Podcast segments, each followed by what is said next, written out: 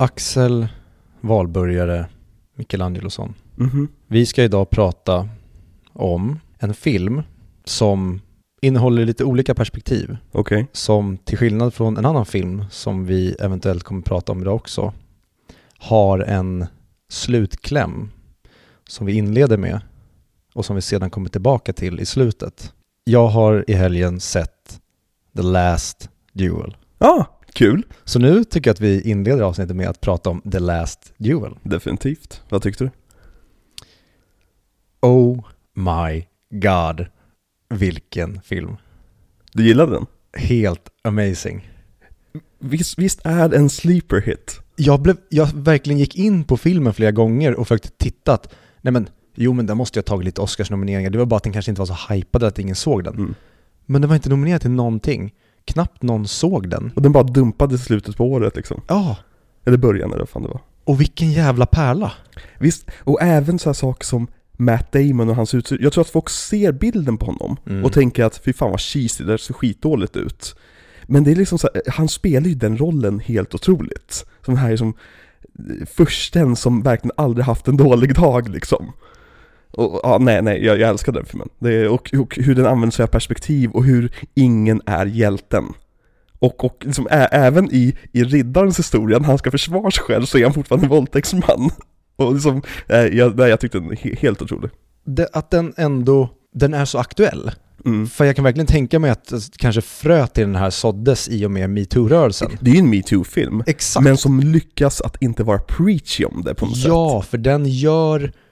Vi vet inte vem som talar sanning här. Nej. Vi får höra tre... Sen gör filmen en stor poäng av att den behåller the truth Mm, när det är dags för Lady Margaret att berätta sin story. precis. Men det är fortfarande, och det älskade jag med den här filmen, just dramat i det hela. Och att den bara utspelar sig med riktiga borgar, med riktiga riddarrustningar. Men att det är egentligen ett våldtäktsdrama som vi får se här. Ex- alltså det är så snyggt att bara som ta den här, den här filmen skulle ju kunna utspela sig i modern tid, med vissa modifikationer såklart. Men de bara tar den här moderna storyn och placerar den i ett väldigt eh, trovärdig kontext, med som en story som har hänt också, det, det är ju på riktigt det här. Mm. Liksom. Det, det, det var ju, den här duellen har ju hänt. Liksom. Jo men tänk så här, om du skulle göra den i modern kontext. Du skulle typ kunna bara sätta den i typ liten maffiamiljö. Att du Mm. har en man som kanske åker iväg och jobbar Mm. åt någon som bestämmer över honom. Mm. En av de här ledarna som finns inom det här syndikatet får han aldrig respekt för. Mm. Men han måste typ höja honom, hans rank för att han utför vissa handlingar Precis. som han måste göra för att klättra. Så att du hade kunnat placera den här pretty much i en modern kontext och sätta den typ i en kriminell gängmiljö. Mm. Och den hade kunnat funka precis lika bra. Ja, i, eller i vilken sorts som helst miljö som helst som har en hi- hierarki. Alltså det skulle kunna egentligen vara ett politiskt parti man skulle kunna placera i. Ja, igen, jag, jag tänker på, okej, sen, det hade förlorat väldigt, väldigt mycket av sin styrka med den här ryktesspridningen Ja. och att till slut blir det att den som vinner duellen, det är den som Gud anser talar Ja, sanning. men exakt, så det måste finnas någon- form av hederskultur in, inblandad i det också. Mm. För, att det, för att det är därför jag säger med, en modifikation kan man få in det nästan var som Ja men helst. precis, att du hade, nu, nu är den ju skriven för den tiden. Exakt. Den här, eh, baserad på den här ja, legenden eller baserat på den här historien som finns då, så har de ju skrivit en film som Mm. passar in i ett narrativ. Sen stämmer väl vissa saker Mm. Förmodligen inte. Och det tycker jag också så mycket om med filmen, att den, den låter oss, alltså ba, bara när de tar om scenerna, Mm. och hur, hur någon kan bara ha lite, lite högre, ehm, vad heter det, hållningen är lite mer ståtlig. Ja. För att det är dens perspektiv, eller i dens som berättars ögon så hade den här personen kanske lite mer attityd, eller Exakt. som att Damon, han lite mer skrikig när det är från eh, Legris eh, Ja. perspektiv. Och jag bara kände, i början så var jag lite, framförallt när den inleder med att duellen ska starta, Mhm. då kände jag att mm, ja, är jag så taggad på det här men så ser det väldigt Ridley Scottskt ut Mm. så det var ändå snyggt. Men jag kände att det är inte riktigt det här jag är taggad på. Jag vill inte se ett, ett, en film om kanske att det slutar med att, eller att de två kanske tidigare har krigat och haft sina arméer. Det var något, något sånt jag såg framför mig. Men sen när den då börjar om och vi får se det här perspektivet först från Matt Damons sida, från Carouge, eh, och sen så får vi se det från Legris och sen så får vi se det från Lady Margaret. Och hur de tar, alltså i början när man tänker att jävlar vad jag hejar på Matt Damon här. Och sen så hela tiden så glider man bara mer och mer och Mm. mer och mer från honom. Och Men det är inte som att man riktigt glider mot Adam Drivers karaktär heller, Nej, nej. eller mot Le- utan man är hela tiden någonstans i mitten och bara känner att vad onödigt allt det här var. Exakt, men det, den här filmen får en att ogilla alla inblandade. Ja, Och det, det är underbart. Alltså, det är därför den här filmen var med på min Oscarsballot eh, när vi gick igenom det i början på året. Eh, och det är så här, jag står fast för det. Alltså, jag, jag har precis fått hem den på Blu-ray också. Eh, tillsammans med West Side Story och Nightmare Alley. oh la la. Ja, Ja. tre av 2021s bästa filmer. Ja men det var lite grann så jag kände. De hade nog extra pris på CDON, typ så här, tre filmer för 199 eller något sånt där. Och så här, ja men strålande. Jag köper hem lite nyare filmer. Jag, jag, jag har fastnat så mycket i att köpa gamla filmer. Mm. Eh, så jag vill ha lite så här, ja men det här kom rätt, rätt nyligen. Liksom. Men ja, nej. Det är, Ridley Scott är en sån jäkla intressant filmskapare. Han, han, han har aldrig gjort en film som jag inte i alla fall blir fascinerad över. Även Ridley, alltså typ Alien Covenant. Som, The som Counselor. vad sa du? The Counselor. Ja men även The Counselor var ju en intressant film. Även fast den var skev utav bara helvete. Eh, och slutet, vad fan, är- jag, jag minns den kvällen väldigt starkt. Det var väldigt kul. Mm, det är en riktig what the fuck is going on-rulle. Eh, men jag är så otroligt glad att Ridley pumpar ändå ut mycket grejer. Mm, Och det känns för mig som att han har varit väldigt, väldigt ointressant nu under lång tid. mm, Och så kommer han med det här, mm. som inte är som Gladiator. Men den har ändå vissa likheter med Gladiator. Utan här gör du ett riddardrama. Mm. Det är inte våldet här som är i fokus. Och sen får vi bara se, spoiler alert, alltså slutet Mhm. och hur duellen avslutas. Ja. Mm. Det är Mm. sån gore-porr. Ja, och det kommer ju efter en film som inte har särskilt mycket gore Mm. i sig. Så då blir det som extra starkt. Jo men och, och våldtäkten Mm. är inte grafisk, utan man, där man kan tänka sig att det kunde bli mycket, mycket blodigare eller mer våldsamt. Mm. Men det är fortfarande kläderna på och du visar ingen nudity eller så. Nej. då blir våldet när det väl kommer så jäkla påtagligt. Mm. Och vi bara får se hur den, är, den som förlorars kropp behandlas efter. Mhm. Jag älskar bara se det. Jag säger, Åh, Ridley, du måste tillbaka till men tillbaka till alien-hållet, där du gör kladdiga grejer. Det ska vara äckligt. Och jag tyckte att det fanns lite av det i Covenant och lite av det i Prometheus. Mm. Men de är för sterila. Mm. Jag vill ha mer där det är det här smutsiga, skitiga, där du har ett fult ärr på Matt Damons kind Mm. och han har en jävla hockeyfrilla. Vad tror du om Napoleon efter det här? För det är väl han som gör Napoleon? Med, Ja. med eh, Phoenix. ja exakt. Ja. Ja, och det var så skönt att se en film med riktiga miljöer Mm. Ja, och men, riktiga kostymer. inte, Ridley Scott har ju så pass stort namn att han får det han vill. Mm. Och även om det som det in- kanske inte är finansiellt gångbart så vill ju fortfarande studiorna sa- satsa på honom. För att han kan skita ut sig i ett stort projekt som blir liksom en miljardsuccé. Mm. Det är samma sak med Zemeckis. Han får också praktiskt taget vad han vill fortfarande. För att han äter fortfarande liksom lunchen från eh, Back to the Future och Mhm. eh, Forrest Gump. Och kan, kan en studio klämma ut en till sån film med honom, då har ju de betalat av alla, alla floppar han gör. Mm. Så Ridley Scott har ju samma grej att han, om, han, han tycker verkligen om att filma som i riktiga miljöer och med riktiga skådespelare och riktiga rustningar och allt sånt där. Vilket får mig, jag, jag, jag blir jättetaggad på Napoleon. Det är, Jag med. Det är en av mina, tror jag nu, framförallt efter jag sett den här, most anticipated filmer på, som är på G. Och vi måste ju även prata om Ben Affleck. Gud, alltså, och tillbaka till den här filmen för att först tänkte jag, när jag, när jag såg Matt Damon, Mm. Om hur Matt Damon såg ut och hur Matt Damon funkar så, så tänkte jag för att jag köper inte Matt Damon i den här miljön. Mm. För jag tänkte att lite som det här, han har sett en iPhone. Ja, han, han funkar inte riktigt här. Han, han funkar klockrent som eh, Dr. Man i Interstellar. Mm. Som den här vetenskapsmannen. Mhm. Det kan han rocka. Men ju mer jag förstod av tonen och att det här är ju typ en satir.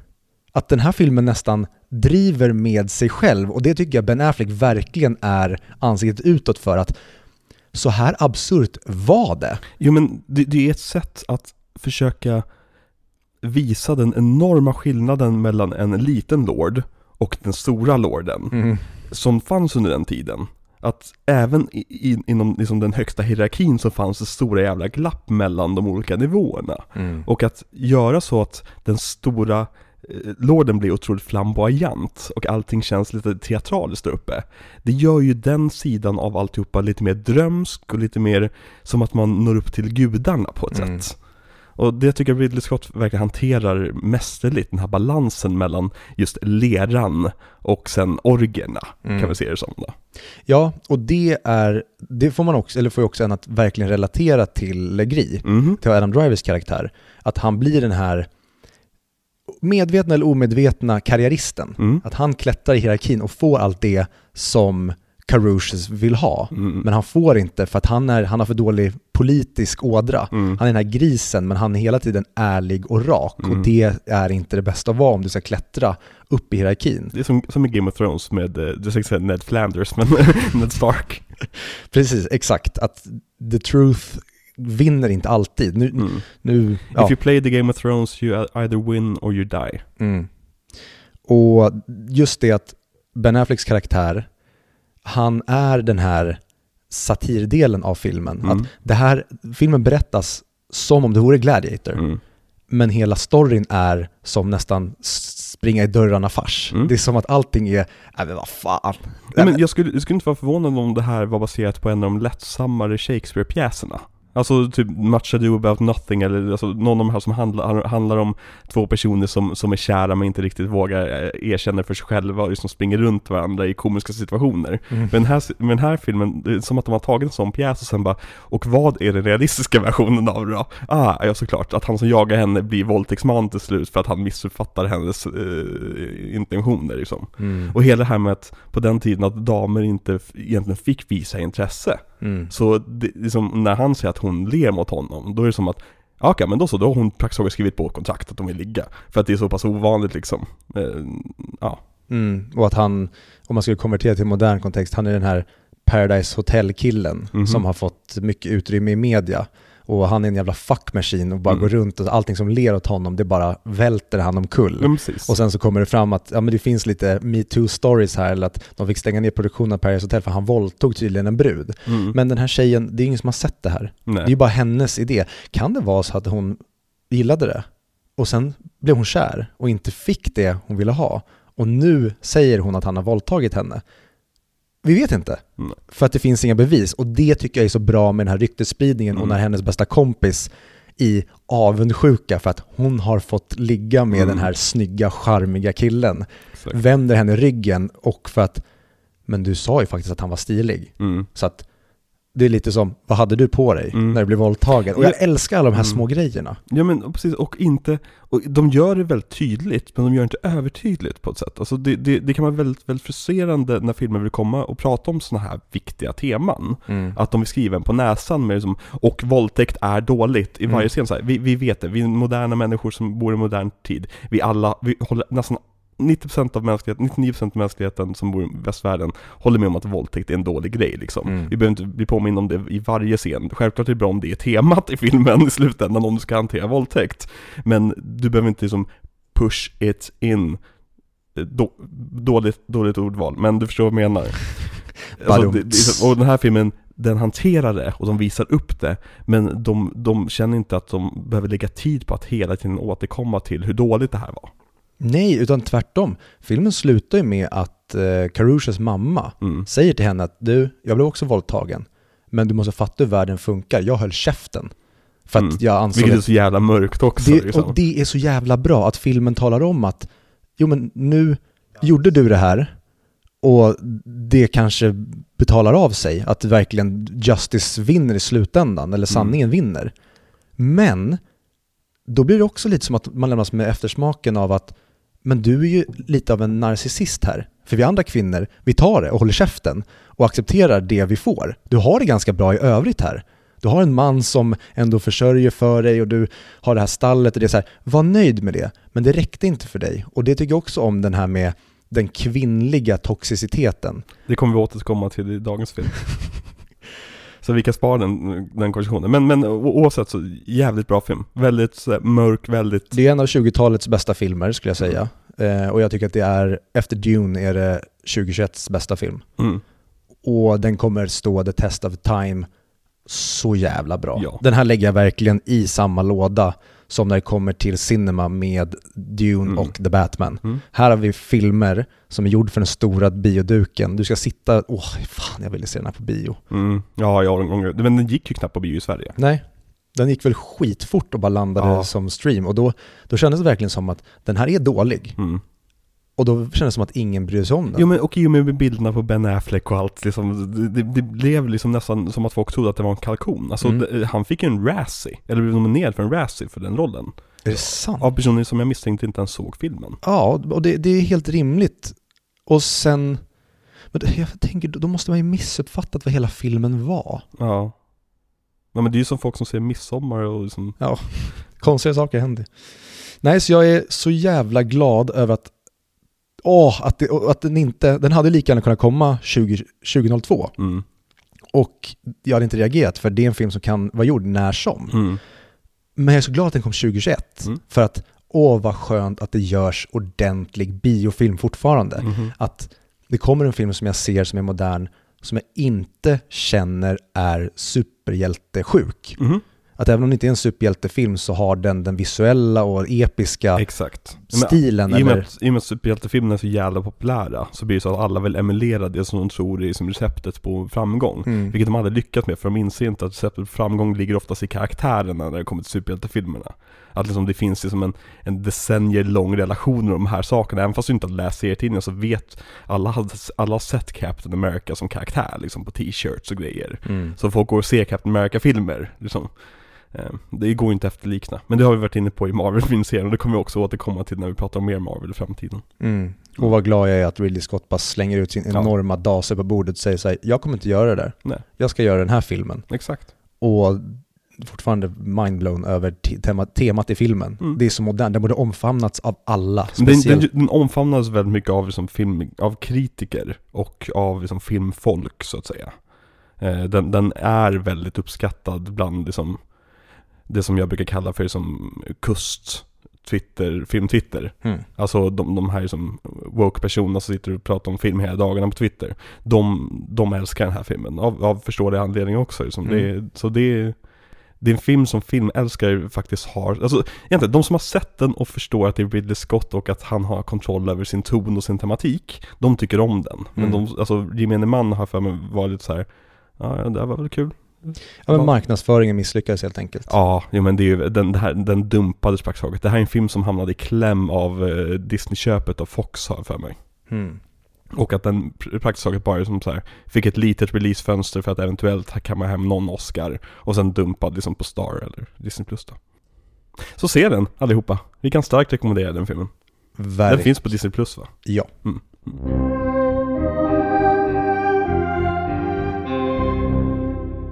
Är jag lik Daniel David Sundin på något sätt alls?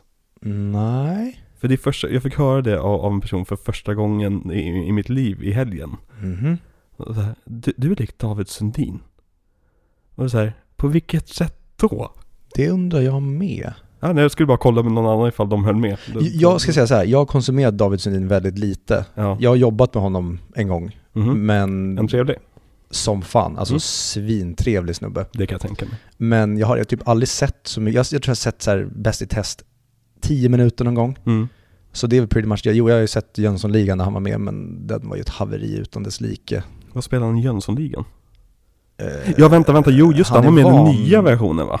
Alltså den, inte den med Alexander Karim och dem, utan han var med i den där Henrik Dorsin var med va? Exakt, inte Nolanifiering eh, Jönssonligan när de försökte göra någonting mörkt och gritty, Precis. utan den som verkligen är typ en barnfilm med Henrik Dorsin Ja, av Thomas Alfredsson. Jo men precis, jo men han var ju med i den. Men eh, vad fan spelar han? Han spelar Rocky kanske? Nej, Rocky spelades som en tjej. Ja, då är han nog Vanheden. Ja, kanske. Jo, för... Jo precis, det är någon lång smal som jag tror jag spelar dynamit Ja, men precis, och exakt. Henrik Dorsin är ju... Som ser ut som typ en serietidningskaraktär. Jo men hela den filmen är... Det, det är julkalender. Mm, Det, så jävla bedrövlig var den. okej. Och det är, alltså, vi pratar 2000 green screen. Mm. Det är så dåligt utfört alla miljöer. De, de, det är någon, något när de ska ner i eh, Sergelskrapan. Mm. Och de lägger på typ, jag mig en solnedgångs-backdrop. Och ingenting klaffar. Ja. Svensk film i ett nötskal. Mm, så då kanske vi ska prata om någonting som kanske inte är green screen eller så långt ifrån svensk green screen i julkalender som det går. Välkomna tillbaka till Audio Videoklubben. Och då börjar jag sjunga Audio, video, audio, videoklubben. Och det som audio, videoklubben säger det som gäller. Na, na, na, na, na, na, na. Eller hur det nu gick. Jag försökte sjunga den eh, som de sjöng till Joel. Ralle, Rolf, När han klär Leif, av sig Leffe. naken och tar en eh, flagga i röven. Ja, ja, mm, ja. yes. Nej men eh, denna vecka ska vi då prata om Ruben Östlunds andra film. Och det är då De ofrivilliga. Eller hans första film eftersom du inte tyckte förra veckans film Ja, var en film. Jag kommer komma in lite grann på det. Jag misstänker det. Men innan vi kör igång, jag har lite saker jag vill prata med dig om.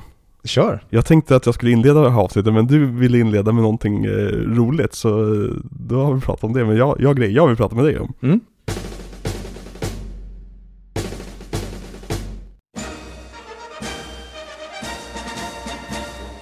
Igår var jag på eh, flygvapnets dag tror jag det heter. I Uppsala. Mhm. Åkte dit med min, min brorson, min svägerska och min pappa. Är du eh, alt-right eller? Va, vad säger du så? Jag tänker du verkar gilla krig och våld och... Jag kan säga att jag var inte ensam om att gilla krig och våld i så fall.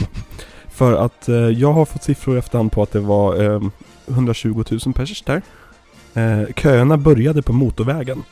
Från motorvägen är det egentligen typ en, en kvarts bilresa ut på liksom landsbygden praktiskt taget. Tills du kommer till det här flygfältet. Det var köer, alltså flera kilometer på motorvägen. Upp på avfartsrampen, på landsvägen. Det tog oss två timmar att komma från motorvägen till den här platsen. Eh, U16 tror jag heter. Jag började med att spendera hela dagen med att sitta bara i, i bilen. Och i en varm bil med en gnällig femåring som bara vill ut och leka och, eh, kolla på flygplan och grejer. En av årets varmaste och mest kvava dagar också. Ja, precis. Men när vi kommer fram så, så är det, det är okej, liksom, man får sitta i kö ibland. Det, det är inga konstigheter. Så kommer vi dit. Jag, jag eh, hade lite bråttom på morgonen så jag hade inte käkat någon frukost. Men jag tänkte att men det är okej, jag kan bara ta en korv med bröd när jag är där så blir jag klar med resten av dagen liksom och dricker vatten. Är det någonting som finns på en sån plats, då är det korv med bröd. Ja men precis, det är det jag tänker liksom att det borde finnas jättemånga liksom korvstånd och liksom, kanske i värsta fall så kan jag klara mig på glass eller vad, vad som helst. Kommer dit och det första jag ser är att kön till de otroligt få liksom, matstånden de har är alltså åtminstone en timme långa. Åtminstone en timme lång. Så jag tänker så här, okej men det är lunchtid, vi kom dit vid 12. Mm. Det, det, det kommer lägga sig. Så vi går runt lite grann och kollar på saker och ting, kollar på de olika flygplanen. Jättehäftigt att se de här flygplanen på nära håll. Och att liksom se flygningarna de gör, det var helt otroligt. Alltså verkligen kolla på liksom när de gör sina uppvisningar och liksom skickar ut flares och grejer. Alltså det var verkligen häftigt. Men sen vid två så började jag känna så här, men fan nu börjar jag bli skithungrig här. Ehm, nu måste vi gå och ställa oss i, i ett stånd liksom, och alla andra var hungriga också. Så då ställde vi oss i ett korv med brödstånd. Efter en halvtimme hade vi rört oss typ fem meter framåt. 10 meter framåt. Och kön var säkert 40 meter till efter det. Och så här, vi kommer ju behöva stå här i flera timmar. För det gick så otroligt långsamt. Och man hade inga menyer där framme heller. Jag gick fram och kollade bara för att se vilket stånd står vi? Vad, Mhm. vad är vi i för kö? Vad får vi för mat här framme? Nej, nej, det var ingenting. Jag var tvungen att kolla på folks blickor vad de köpte för något. Ja, hur som helst. Så efter ungefär en halvtimme, 40 minuter, vid halv tre då, så bestämmer vi oss för att, ja men vi ger upp. Vi, vi åker hem nu, vi är hungriga, vi, vi, tar, vi tar någonting på vägen. Hur, hur var stämningen mellan er? Alltså den var ändå rätt bra, men, men min bror som börjar bli liksom hungrig och grinig och liksom, han slänga stenar på folk och när de säger nej så blir han sur och ledsen. Eh, jättegullig eh, utöver det, men han, han är lite i trotsåldern liksom, du vet. Hur gammal är han? Typ fyra? Ja, fyra, fem någonstans där. Slå mig inte på fingrarna, Kristoffer. Eh, men ja, men jättegullig. Han älskar att leka med mig. Det är hur fint som helst. Men så ungefär, vid halv tre då så bestämmer vi oss för att nej, men vi- skiter i det här, vi åker hem. Mm. Vi går, går till parkeringen, sätter oss i bilen. Och där ser vi att hela parkeringen är fylld med bilar som står i kö för att komma ut. Alltså, du förstår, alltså det är en parkering som har liksom en huvudgata kan man se. Mm. Och sen är det som armar som sträcker sig ut från den gatan där alla bilar står liksom parkerade. Mm. Och alla armar är fyllda av bilar. Hela huvudgatan är fylld av bilar. Och, liksom, och vägen ut där bilen ska åka är bara tom.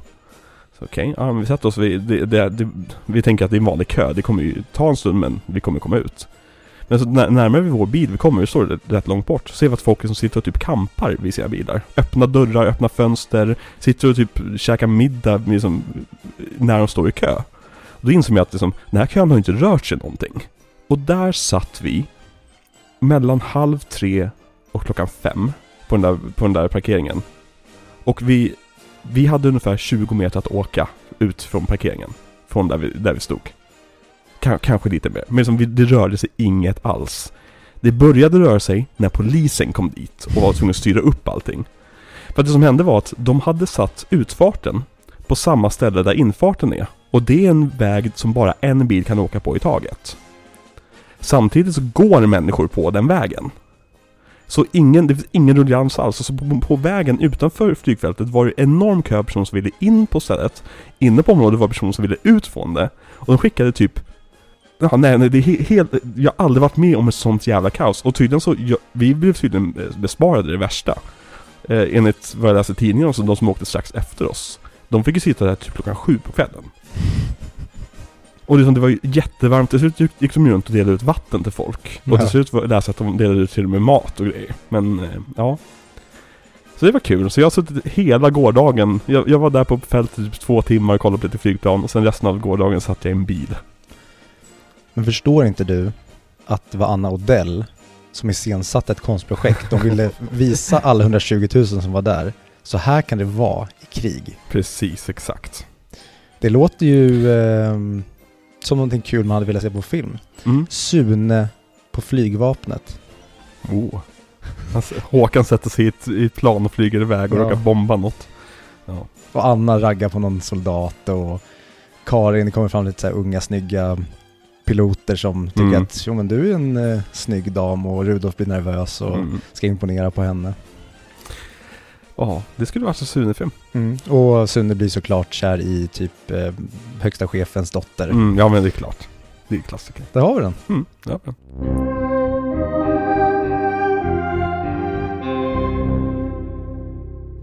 Men på tal om svensk film, ska vi börja prata om veckans film då? Mm. Så efter förra veckans fiasko, Ruben Östlund, Efter för, förra veckans försök kan vi säga.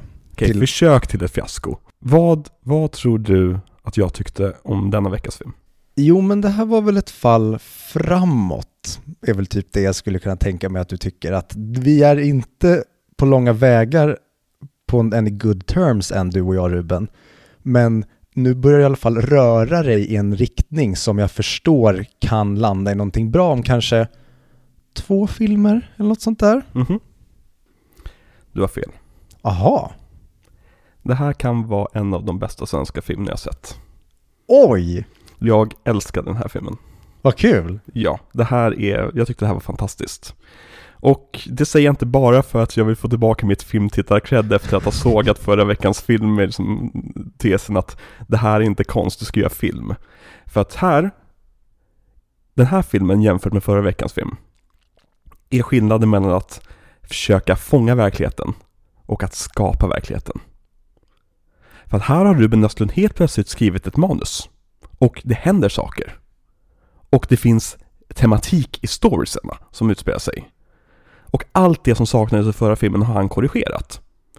De enda klagomålen jag har kvar med den här filmen egentligen, det är väl egentligen att skaffa en bättre kamera för helvete. Alltså visst, du har uppgraderat lite grann från förra, förra veckans film, men, men jösses. Det, det är alldeles för hög framerate, det är som dålig ljussättning, det, det ser fortfarande amatörmässigt ut. Kan man ändå försvara honom med att du och jag ser en DVD-RIP och det kan vara så att det finns en faktiskt ordentlig kopia Som som ser får, bättre ut. Precis, som får det att se bättre ut. Men jag tror också att det här verkligen är, han vill verkligen ha det så här. Jag, jag vet, och det, det sätter jag mig lite grann emot. Hade, hade det här blivit filmat med en riktig typ 35 mm kamera som har ordentliga linser och grejer, så hade den här filmen varit perfekt för mig. Men, men tycker du fotot aldrig är snyggt? Jag tycker fotot är snyggt hela tiden. Jag tycker bara inte kameran är snyggt. Alltså förstår du vad jag menar? Det, det är lite grann som att det här, alltså hur han placerar saker i, i, i eh, shotten. Mm. Och hur han, hur han liksom leker med perspektiv och hur han, hur han som jag klagade på förra veckan när han bara sätter upp ett kamera på stativ. Mm. På det här, den här gången känns det som att han har testat olika vinklar och valt den bästa. Mm. Vilket funkar så mycket bättre. Som den här shoten är helt perfekt, där vi, får, där vi inte får se ansiktet på den som pratar.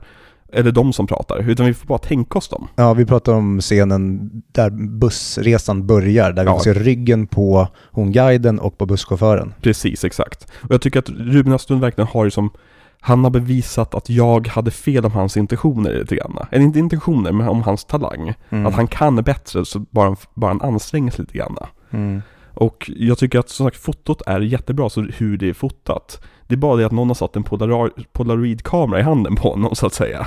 Istället för en liksom, eh, Nikon eh, 30D eller vad fan de heter liksom. Det är plattheten. Ja men exakt, det kommer ju så mycket, alltså filmar du saker med en ordentlig jävla kamera så får du så jävla mycket från det. Mm. Eh, och det saknas i den här filmen. Men utöver det så tyckte jag verkligen, verkligen om den här filmen. Och det trodde inte jag skulle göra, för igår kväll när jag såg den Mm.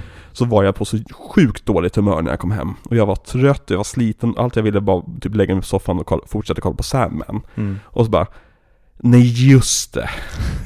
Jag ska se en och en halv timme Ruben Östlund nu. eh, I en film som jag vet kommer vara rätt liksom, frånkopplad från liksom, olika storiesarna. Så jag kommer jag orka det? Så här, men jag får göra det liksom. Eh, Så slog jag på den efter tio minuter så här, okej, jag är fast. Perfekt. Det här är exakt det jag ville att han skulle göra förra veckan.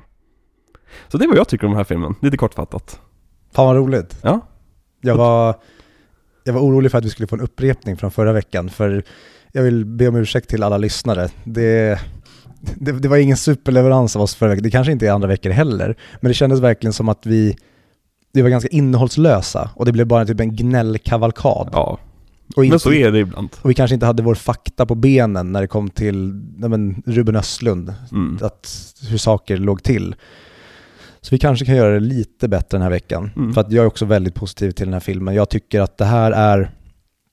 Här har han på något sätt droppat bajsnödigheten lite. Ja, Och det är inte mycket. Men till en nivå som gör att nu kan vi se vad du menar. Förra Exakt. gången så var det bara att, jo men vi förstår Ruben att du ser. Men vi ser det inte. Det kommer inte ut i filmen. Ja, men det är som att han har, liksom, när han gjorde första filmen så tänkte han, men då, jag är konstnär. Jag behöver inte hålla mig till konventioner som gäller film. Jag är svensk, okej? Jag, jag, det här med att ha struktur i filmer, det är Hollywood. Det är kapitalistiskt. Jag är faktiskt vänsterkille från Göteborg. Jag bestämmer faktiskt vad konst är för något. Och det känns som att i den här filmen, då är det som att han säger Okej då, jag förstår vad, vad ni menar. jag såg resultatet av det jag gjorde. Jag, jag, håller, med. Jag kanske måste ha lite struktur i alla fall. Men när man frågar honom så säger han så här, nej. Jag, det, det, här, det, det var den filmen, jag gjorde precis det jag ville göra där. Det här är en ny film med helt nya förutsättningar. Jag har inte tänkt över någonting. Jag har min integritet och mina principer kvar här. Men inne i hans eget huvud så är det att, okej, jag förstår vad ni menar. Ja. Men jag kommer aldrig erkänna det utåt. Nej men det är som att första filmen är som studentfilmen han gjorde på universitetet om han nu hade pluggat där Mm. liksom. Och det här är det som han får göra när han faktiskt kommer ut och får, göra en, får en budget. Och det märks. Ja, och sen eh, var det ju han, eh, Kalle Boman, som producerade förra gången. Och det kanske var så att han viskade för mycket grejer i Rubens öra, så att han inte hade en aning om vad han höll på med till slut. Mm, mm. Och det är kanske det man får skylla på. Mm. Men, eh, vi pratade ju lite kort om bara att han hade gjort en eh, dokumentärfilm som handlade om att han förde samman sina föräldrar efter 23 år. Mm. Jag såg trailern på den. Och där det lilla jag förstod från hans familjeförhållande var på något sätt att ja, men föräldrarna ska ju på något sätt prata ut om varför de skilde sig. För så som pappan verkar uttrycka det i trailern i alla fall var att Rubens mamma kastade ut honom, för han ville inte skilja sig. Mm. Men hon ville det. Och därav blev det som att Ruben växte upp mer med typ bara sin mamma och pappan Mm. kanske inte var så närvarande. Så den skulle jag verkligen vilja se. Mm. Jag har inte sett den. Men däremot, efter Gitarrmongot, som kom ut 2004, då släppte han kortfilmen Scen nummer 6882 ur mitt liv. Jag hatar den titeln. Alltså, jag hatar den titeln. Men okej, vi släpper det. Fortsätt. Ja. Och det är då en 10 minuters kortfilm som handlar om ett gäng, typ i 30-årsåldern. Ehm, några tjejer, några killar, de har väl varit ute och krökat på väg hem en sommarmorgon när solen snart ska gå upp, över en ganska hög bro. Och en av killarna får såklart för sig att jag ska hoppa från bron ner i badet. Tar av sig och de snackar, ja men så typiska, och det är det jag kommer komma tillbaka till här, att det jag absolut mest älskar med Ruben Östlund, det är hans otroliga förmåga i De ofrivilliga och jag har för mig även senare hans filmer, att få folk att verka som att de inte skådespelar.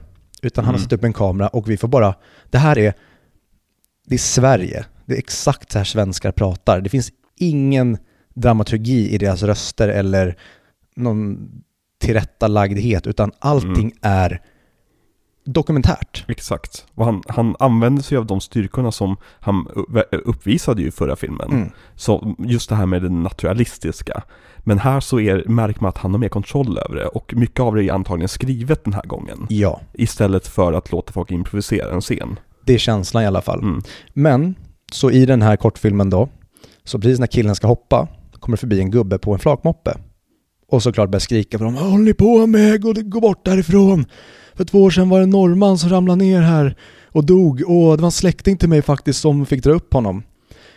Och då kliver snubben tillbaka, klär på sig kläderna igen och de börjar gå därifrån. Och då börjar två av killarna, en av dem, vad han skulle hoppa, så pratar de om att ja men nu blev du skraj när du blev tillsagd. Och killen säger, nej jag blev inte alls skraj. Mm -hmm nej men varför gjorde du inte då? Nej men jag blev inte alls skraj. Och då ska han såklart vända tillbaka och göra det. Mm. Och då börjar ju såklart de andra gorma på honom och bara, nej men du får inte göra det. En av tjejerna typ börjar gråta och går därifrån för att hon vill inte vara med om det här Mm. och de tänker att han kommer slå ihjäl sig. Och det blir verkligen, är du dum i huvudet nivån den här när hela gruppen bara vänder sig emot honom. Någonting Mm. som de var med på Mm. tills gubben kom är nu helt förbjudet. Mm. Men han lyssnar inte på dem, han tar inte ens av sig kläderna utan han hoppar med kläderna på. Mhm. Och de skriker ju. Han landar, han klarar sig och allt vänder på en femöring och alla skriker yeah, Mm. grym du är! Och jag älskar det där med den här gruppmentaliteten Mm. som vi även får se sen i de ofrivilliga. Det, det hade Hela den här kunnat vara, filmen handlar om gruppmentalitet. precis, för det hade kunnat vara en scen som var med i den här. Mm, om det låter hade kommit. Och sen året efter då, då gör han en tre minuters kortfilm som Mm. heter Nattbad. Mhm. Jag vet inte Mycket riktigt. bättre titel. det är exakt vad det är. Och den, jag vet inte om det är en kortfilm eller om det var en del av någon antidrogkampanj. Mhm. För det är då ett gäng tonåringar, kanske så här 15-16 år, som är på natten och nattbadar en, ja, en sommarnatt. Man ser knappt vad som händer. Mm. Och alla förutom en tjej hoppar i och badar och tjejen stannar kvar på klipporna där de är. Hela gänget simmar över till en annan sida som kanske är typ 10 meter bort Mm. och när de kommer upp så säger den Var är Jonathan? Och direkt såklart så utbyter ju paniken av att var är Jonathan? För Jonathan är inte där. Och då tror ju de att Jonathan har drunknat och de börjar skrika till henne på andra sidan och hon börjar få panik. Mm. Och sen helt plötsligt så ser man en person komma på deras sida av klipporna gåendes. Och skriker Vad fan Jonathan, hör du inte att vi skrek på dig? Jo men jag satt och baja, vad fan? Och så, ja, så slutar typ filmen där och en Mm. text kommer upp att det finns många anledningar att inte knarka. Vilken är din? Okej. Och det var kul för då framkommer det ju att alla de är ju typ bänga Mm. och blir paranoida för att de verkligen får den här paniken direkt. Mm. Och det är också väldigt effektivt och underhållande. Ja. Så att det var väldigt, två väldigt glädjande kortfilmer att se inför de ofrivilliga. Mm. För att det var, ja men till det som han inte fick till i gitarrmongot, Mm. fick han till de här kortfilmerna och då blev vi också mer taggad på de ofrivilliga. Mm. Och sen så får vi då fem berättelser är väl en, Mm, är som bygger då alla på samma tema. Vad händer med en individ i en grupp?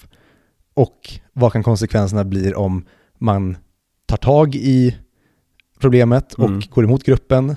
Och vad händer om du håller käften och play it with a group? Precis. Och det gör han ju i perfektion, verkligen. Och framförallt i lärarscenen är den som det har snackats mest om. Ja. Jag tänker så här, vi kan ju gå igenom varje i och med- att vi har ju fem stycken väldigt tydliga liksom, scenarion, så Mm. kan vi bara gå igenom dem och diskutera vad som händer i dem och diskutera vad vi hade gjort i dem. För det är väl egentligen det som är det intressanta med den här typen av filmer. Att Ja. I och med att det är så pass verkligt så känner man så här, om jag hade varit i den här situationen, vad hade jag gjort då?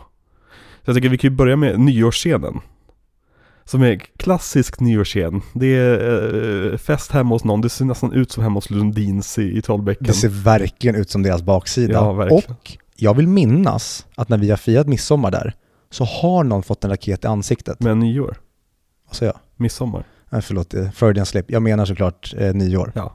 Jag vill minnas Ja, du har att på sagt det den tidigare, platsen, jag, jag, jag, minns inte det alls. Men Ah, det kan mycket väl ha hänt. Det var, folk var ju tokkalas. Eh, Eller alla föräldrar var tokkalas i alla fall. ja. Eh, det jag minns, eh, men det kanske inte var en, efter en nyårsfest, men jag kommer ihåg när din mammas kille Lasse hade cyklat hem mhm. och vurpat på fyllan och Ja. faceplantat. Ja. ja, men han gillade att dricka väldigt mycket. Han var, det var någon midsommarfest också som han var, han, efter att han hade bråkat med morsan skulle han gå ner och bada i Långsjön. Du vet, vi bodde ju väldigt nära Lång, Långsjön. Mm. Eh, så han gå ner och bada där han var asfull. Eh, det var verkligen såhär, men han kommer inte komma tillbaka, han kommer ju drunkna ner. Men nej, nej, men jag ska bada.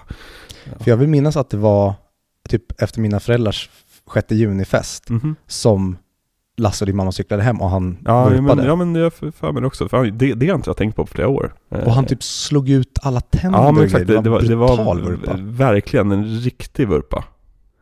Eh, vad var det jag skulle säga? Just det, nyår, eh, hemma hos Lundinarna. Eh, Nej men det, det är som nej, en klassisk nyårstillställning, liksom fulla gubbar och tanter med Men det här barn. är inte nyår väl? Det ska vara nyår. Är det det? Ja, jag de- tror bara att de firar någonting, för att det finns ju ingen snö och allting annat utspelar sig på sommaren, så jag tänker att det här är någon, en, bara en släkttillställning, Ja, man firar. Ja. Hur som helst ska de avfyra raketer. Mm. Och en raket tänds inte som den ska. Så eh, eh, gubben i huset, eller fan han är, han ska, han ska gå fram och kolla till den här raketen. Och precis när han kommer fram så avfyras den här raketen då. Och han får egentligen, eh, en, alltså, vad ska man säga? Gnister upp i Gnister ögat. i- upp i ögat, precis exakt. Den, liksom, den exploderar inte i hans ansikte utan den, den flyger iväg. Liksom, han får liksom, det, ja men, lyftkraften i ansiktet. Mm. Eh, och han, han är full och liksom, här, nej men det är ingen fara, ingen fara. Ska vara machoman. Ja men precis, exakt. och sen så egentligen alla scener från den här liksom, delen av filmen då är egentligen folk som pratar om honom. Om så här, borde han åka in till sjukhuset eller borde han inte? Så här, men, men jag vet hur det här ligger till, det där, det där är bara jag, bladkrut eller vad det är. Ehm, Och att när de sitter på toaletten och pratar om att, ja men, det är väl klart om vi ringer 1177, då kommer de säga åt oss att åka in. Exakt, man vill inte förstöra festen. precis. Nej men verkligen, här, han, han säger ju att han, han är okej, men vi alla vet ju att han inte är okej liksom. Mm. Och slut slutar det med att han kollapsar och så får ambulansen komma och hämta honom. Mm. Och det är egentligen hela. Mm. Och till den storyn, men till alla stories när, Mm. när det kommer till fotot. Mm. Jag tycker så otroligt mycket om det här fotot där ljudbilden gör så mycket av storyn. Mm. För jag kan bli så trött på, det kanske inte är bara modern film, men jag gillar verkligen inte film som är övervisande. Där jag till måste klippa Mm. in på vissa saker för att förklara vad som händer. Jag gillar när någonting kan ske utanför bilden och vi fattar ändå vad som händer. Och det gör han ju verkligen i den här filmen där det vi hör är så mycket bättre än det vi hade fått se. Exakt, ja men man får ju som Nästan så att du får skapa filmen själv i huvudet. Mm. Liksom. Och det är väldigt snyggt gjort. Och det här med att det är väldigt sällan man får se ansiktena på den som, de som pratar. Mm. Utan det är hela tiden att du får se typ en axel eller, eller du får se ett par fötter som hela filmen startar med till exempel. Mm. Och det ty- fotot tyckte jag var jättebra. Där, där hade inte liksom, kvaliteten på, på s- filmkvaliteten eh, uppvisats sen. Så då var det så här, åh har han köpt en ny kamera? Och så, jaha, nästan, oh, nej okej, nu ser det ut som Kvartersgatan igen. Eh, men, ja. Nej men, okej, hur hade du agerat här? Om du var på den festen med den här killen, med den gubben. Hade det varit typ min farbror, Mm. då tror jag inte att jag hade varit så involverad i det. Men jag hade fortfarande sagt utan några som helst problem att jo men det är klart du ska åka in. Mm. Men hade det varit typ min pappa, Mm. då hade jag ju fått honom och då hade jag sagt så här, ja nu kanske jag hade börjat dricka. Men om jag inte hade druckit så hade jag ändå sagt att nej men du åker in. Mm. Du kan, vi kan ta den här festen en annan gång. Du har fått någonting upp i ditt öga eller en smäll i ansiktet. Mm. Du måste i alla fall kolla det här.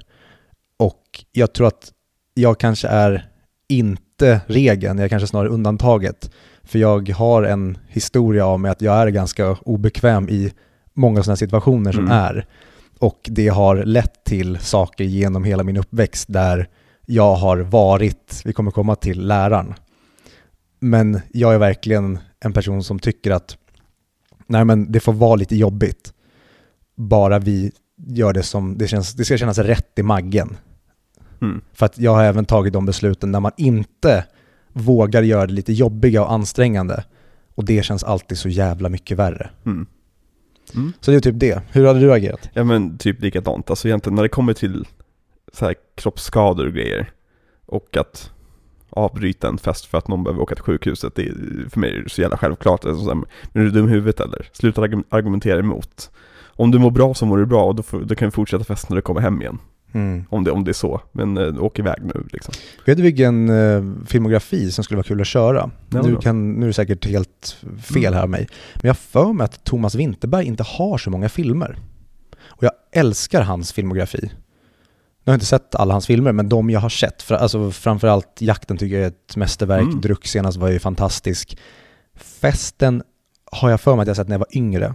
Den är ju en del av Dogma-rörelsen så då kan vi prata om det också. Mm. Mm. Eh, nej men på tal om något sånt här nordiskt autörigt. Mm.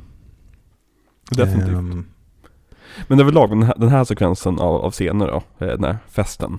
Jag skulle säga att det är filmens svagaste scener. ja. 100% För att de, de, den hanterar inte samma mörker och samma liksom komplicerade känslor som resten av scenerna. För att den här scenen är väldigt, jag tycker all, allting, det, det är en bra liksom, inringning av, av, av filmens tematik. Mm. Det här liksom att du, du har någonting att säga men du säger det inte för att du vill inte göra den där personen upprörd eller ledsen eller som du vill inte stöta dig med vad gruppen tycker. Så Mm. du går hela, runt, hela tiden runt och pratar med andra i gruppen för att se vad de tycker innan du vågar göra någonting för gruppen. Så att Mm. säga. Och jag tycker väldigt mycket om det här när han ska gå fram Mm. och någon skriker pang! Mm. Skämtar om det. Och sen när, framförallt när han har fått smällen Mm. och att alla vill direkt lägga locket på. Mm. Det blir så här, ja nu går vi tillbaka in. Mm. Ja. Eh, Ska, ska vi gå vidare till nästa Det tycker jag. grej? Mm. Och det är då de unga tjejerna som är den mest ångestframkallande eh, typ kortfilmen jag har sett på länge. Alltså det börjar ju med de här två stycken unga tjejerna, vad kan det vara, 13-14? Mm. Någonstans där. Som tar liksom ut, utmanande bilder på sig själva i sin webcam. Och det här är ju 2006. Liksom, jag har ju, jag, jag gick i en klass med väldigt, väldigt många tjejer. Så jag har ju under hela min uppväxt bara umgåtts med typ praktiskt taget tjejer. Jag har ju varit i rummet när det här händer. Mhm. Och jag har också varit på mottagande sidan av det där som eh, händer. Mhm. Och det är liksom, det var så verkligt. Just det här hur de hela tiden aldrig var nöjda med, med, med och det var en som var mer nöjd än andra och då ska de prata om varför, så ska de nästan börja bråka om att men du är visst snygg. Mm. Och det var så otroligt bra skrivet och de här tjejerna är helt fantastiska i sina roller. Nu kan det vara att vi är färgade av att vi var i deras ålder Ja. exakt när det här skedde. Precis. För de är klädda och har samma liksom platina, blonda hår, allt det här. Ja, de, de, de är ju typiska liksom, fjortisbrudar inom citationstecken från den tiden. Mm. Det är det här liksom, det är nästan emo-stuket på det fast de är några av de populära tjejerna. Ja. Så, men det är fortfarande samma, själv, samma typ av osäkerhet och självkänsla som kommer och spökar i stilen. Mm. Och nej, det var bara, och det, jag vet inte om jag är skadad av att ha, ha liksom läst och fått berättat för mig som om, om för folk hur, hur hur, inte, hur internet bara saboterar för folk egentligen. Men det enda jag tänker i början på när man håller på att ta de där bilderna, att så här, skicka inte de där bilderna till fel personer bara. Mm. Alltså, jag har ju själv varit med om vänner som liksom har, liksom, på typ, vad heter det, Word with fr- Friends, eller eh, när man spelar alfabet med folk. Wordfeud. Wordfeud. Där, där de har typ parats ihop med random, en random man Mm. som sen börjar prata med. Och sen så har den mannen lyckats få eh, den här personen då skicka nakenbilder. Och sen så börjar de utpressa personen för att säga att men du skickade nakenbilder till mig, om inte du fick skicka fler nakenbilder till mig så kommer jag berätta för din pojkvän att du gjorde det här. Och jag kommer berätta för din mamma och pappa att du gjorde det här. Och med den här personen som jag känner, då, då gick det så pass långt att de tvingade henne att, att, att träffas. Och liksom, eh, liksom, det är internets mörka baksida. Gör det bara om du är centerpartist. Precis, exakt. Det kändes väldigt verkligt i alla fall, de här sekvenserna med, med tjejerna. Eh, Alltså det är, jag, jag blir mindblown över hur han får de här tjejerna att vara. Ja. Det finns inget skådespeleri för fem öre här. Nej, det, är- det är rent och naturalistiskt och, och tjejerna, det utvecklas, kvällen utvecklas ju. De liksom får tag på, på dricka, de dricker vin hemma och så spelar de något glas och blir lite ovänner. Och sen så gör de en häxblandning och ger sig ut på bussen och dricker där. Det är också så här, ja gud, ska, ska ni verkligen gå ut? Alltså, jag önskar att världen var en plats där 14-åriga tjejer kunde gå ut och dricka på kvällen så att säga. Utan att, utan att vara med om hemska saker, men jag, man bara visste att någonting kommer hända. Alltså i och med att vi är i en film helt plötsligt. Mm. Alltså i hela den kortfilmen, Mm. jag har varit alla de som är med. Ja, Och det är också att, ja, relationen till alla de här blir att, jo men jag har varit den där personen som ligger helt däckad mm, och min kompis tar halvt hand om mig. mm, Och så har det som tur var alltid gick det bra. mm, Jag har varit personen som har slängt någonting och det har träffat någonting Mm. som man har fått kubba därifrån. Jag har varit kompisen som har med den packade personen som är däckad. mm, Jag har varit med på alla de här, eller på fester där någon spiller någonting på mattan och det kommer man behöva ta imorgon, men man skiter i det för man vill inte paja stämningen här. Mm. Det är lite, och jag bara älskar att de spiller rödvin på matta. mm. De tar upp en liten papperstuss och de tänker att jo men det här är väl bra för stunden typ. Mm. Och sen även scenen med mamman, Mm. den här dagen efter ångesten när man verkligen gjort bort sig så brutalt. ja. Men gårdagen är också så jävla värd. Mm. Och när man var i gårdagen så fanns det inte en tanke på den här morgondagen. Mm. Men, Ja, men- det blir den morgondagen. Nej men bara den liksom smash-cutten från att hon blir buren in i en bil. Mm. Hon ligger medvetslös och liksom klädd rätt lätt liksom. Hon är ju liksom, okej, fe- fel att säga om en fjo- om 14 år, men hon är ju sexigt inom citationstecken klädd. Utmanande klädd. Ja men precis, exakt. Eh, och nästa gång vi ser henne sitter hon i sin flickpyjamas. Och är liksom den oskyldigaste personen på jorden. Ja. Och den kontrasten är så, Ruben fångar den verkligen. För igår var hon liksom utslagen på, på, på en gräsmatta och nu sitter hon i pyjamassoffan. Liksom. Mm. Eh, för det som händer, händer egentligen det är att de super sig alldeles fulla, en av tjejerna eh, däckar. Och medan hon ligger däckad så slänger några av killarna i gruppen ölburkar på en bil som stannar och skäller ut dem. Och då springer alla därifrån och lämnar henne ensam. Och så får vi se henne bli buren av den här mannen då in i bilen. Mm. Och då är det alltså, min första tanke var att den här killen, han, som, han, känns ändå rätt reko. Han känns som städad person, men även sådana kan ju vara pedofiler liksom. Så man blev ju direkt liksom orolig, är det här sista vi kommer se av den här tjejen? Mm. Att hon blev inburen i en bil. Men sen får vi såklart se att den här personen faktiskt körde henne hem. Och, och hon får en utskällning av sin morsa tillsammans med vännen. Och, Ja, och jag har även en grej från när jag var typ sju år Mhm. och jag hade haft eh, fotbollsträning typ, kan det vara, tre kilometer hemifrån. Min pappa visste när träningen var slut, men han hade missat tiden verkade det som och då började Mm. jag knata hem. Och dum som man är som barn känns tre kilometer väldigt mycket längre typ, mm, så jag började lyfta. mm, Och en snubbe stannar ju och skjutsar hem mig. mm, Och jag tänker ju inte mer på att, än att fan vad nice, vad schysst att han skjutsade hem mig. mm, Men det man får höra sen när man kommer hem, det är ju vad i helvete har du gjort för någonting? mm, Det här, du kunde ha, ja nu kunde du blivit poundad av en gubbe och sen var ditt liv förstört, du kommer aldrig komma över det här. mm, Så en, en viss typ av relatering till det har jag också, det här med, det kunde ha varit så mycket värre. mm, En annan sjuk grej var typ när, första gången vi var i Thailand mm, och ehm, vi får en taxichaufför som kör oss från flygplatsen och han, han är typ den taxichauffören vi åker med under hela semestern. mm, Och en dag så, eller han berättade att han tränar ett fotbollslag Mm. med killar. Och mina föräldrar släpper iväg mig och Ludvig med honom. Träningen är två timmar därifrån. mm. Och de enda som går i god för honom, det är hotellägarna på hotellet vi bor.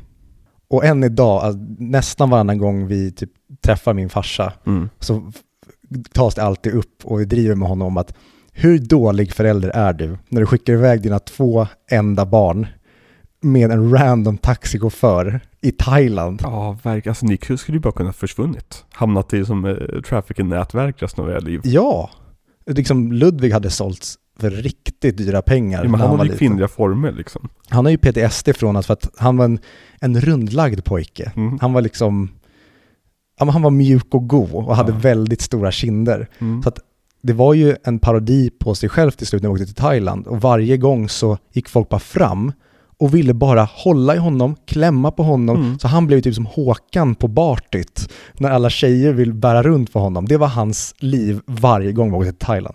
Jag minns ju när fotot hade uppe, eller ni hade uppe på övervåningen av Ludvig, när han var typ bebis. När han var typ sex månaders. Och det var verkligen, När hans blick skriker “Döda mig, jag är fången i den här stora Michelin...” ja men det är verkligen så Kroppen. väck över armarna där händerna sticker ut. Det såg ut som att han hade på sig en dräkt liksom. Min, min mamma blev ju utskälld ehm, av en gammal tant när Jaha. Ludvig var bebis för att hon förstod inte hur man kunde misshandla sitt barn så när han var så fet. Jaha, oj. Och det som är det roliga då också, det är att Ludvig var det lyckligaste barnet i världen. Mina Mm. föräldrar sa att han aldrig grät. Han, Mm. Nej men det känns som Ludvig. han bara var nöjd och fet. Ja, han, han var arg ibland, men han var ju aldrig som, vi har aldrig sett Ludvig ledsen. Alltså Ludvig är ju människa, han har säkert varit ledsen också. Men, men det är verkligen, ja, nej, nu säger det. Mm. Lyckligt barn. Ja, Gimli. precis, våran Gimli. Ja. ja Men nej, eh, tillbaka till Ja. då filmen. Jag har även varit de här brudarna när de träffar på Kenneth. Han på bussen. Ja, Ja, jag har så- så jä- många åh. sådana fylletillfällen med mina polare där man trakasserar någon stackare som man bara, så här, nu är vi starka i gruppen här, nu vågar vi ge oss på någon. Ja, och det, det, det är som vidrig sekvens Det är också. helt sjukt. det här med, alltså ångesten i den situationen. För att det, det är inte bara det att du blir störd av några personer på bussen som, som inte vill lämna dig i fred.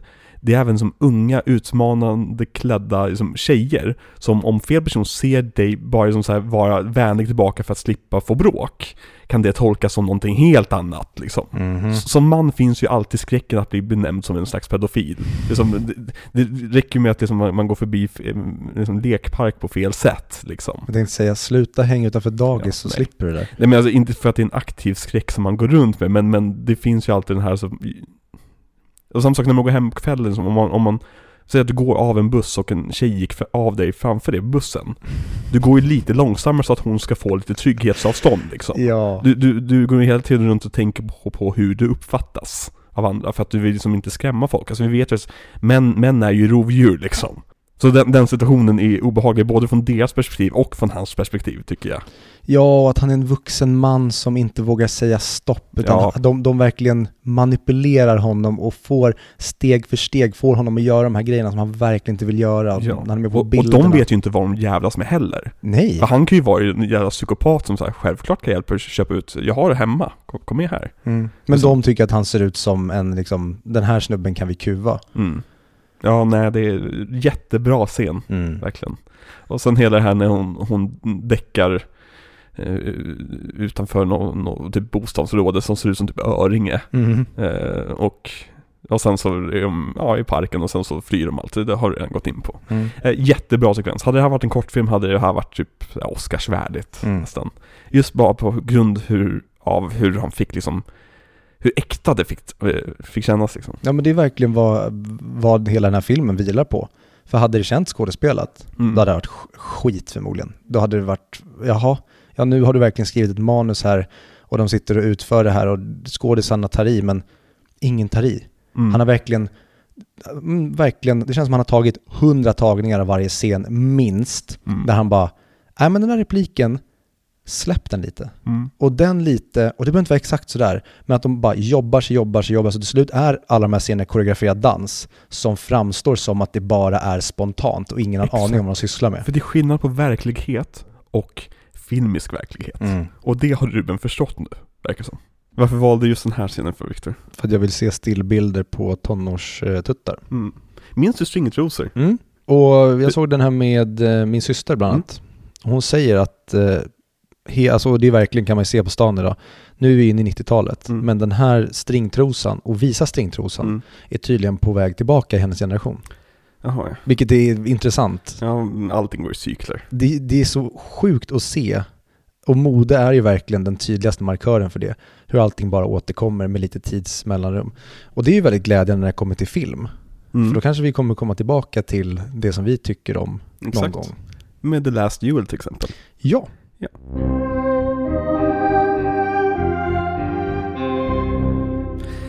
Nästa sekvens av scener vi ska prata om är lärarinnan.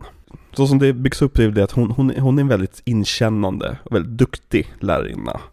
Och väldigt engagerad och har, verkar ha enormt patos. Ja men precis, exakt. Och liksom verkligen vill utbilda barnen och liksom göra, liksom, får inte bara kanske utbilda utan även uppfostra barnen. Mm. Det gamla. Alltså lära dem om livet och så vidare. Mm. Ja, men som en som bra lärare är, Ja, när det känns som att den här personen vill inte bara ge mig informationen i läroplanen, mm, den vill även påverka mig som människa. Och kanske Precis. om jag är på väg lite i fel riktning, då kanske den kan styra mig rätt. mm. Eller man minns den läraren för att den kanske har gett den en livsläxa som man kommer ta med sig. Som typ den här tjejen som får börja utanför.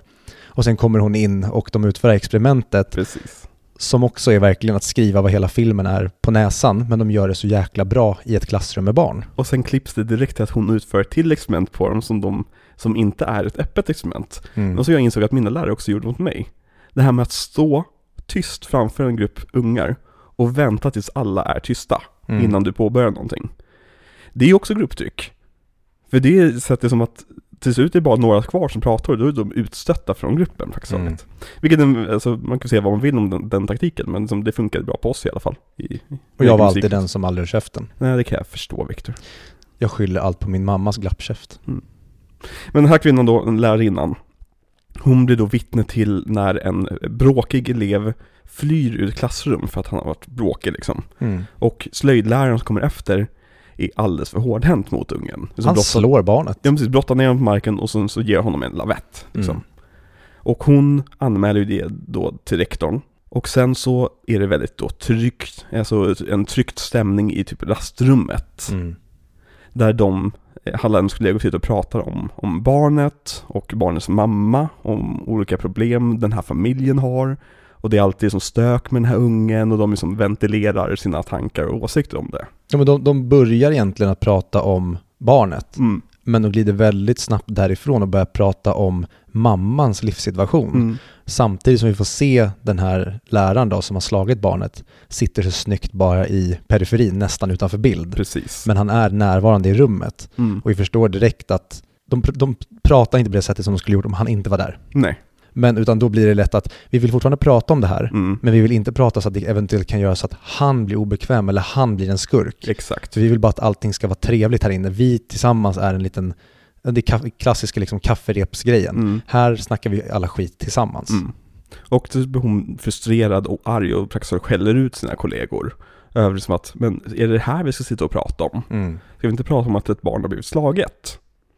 Och efter det så eh, konfronterar slöjdläraren henne och sen säger att du måste be mig, om, be om ursäkt för det här. Mm. Och så har de en argumentation där hon inte vill erkänna att hon gjort fel, han vill inte erkänna att han gjort fel. Och han, det sista som händer är att han varnar henne. Det är som att liksom, du kommer göra dig själv omöjlig att jobba med om du fortsätter så här. Mm. Och sen får vi se ett par scener där hon praktiskt taget har blivit utstött då från lärarteamet. Mm. De vill inte öppna dörren åt henne. Som, ingenting att någon gör någonting aktivt, utan det här är bara passivitet. Så liksom hon, hon är död för dem praktiskt taget. Jo men svenskt våld. Ja. Att vi, vi konfronterar inte och slåss och löser problem genom att faktiskt gå igenom konflikten. Mm.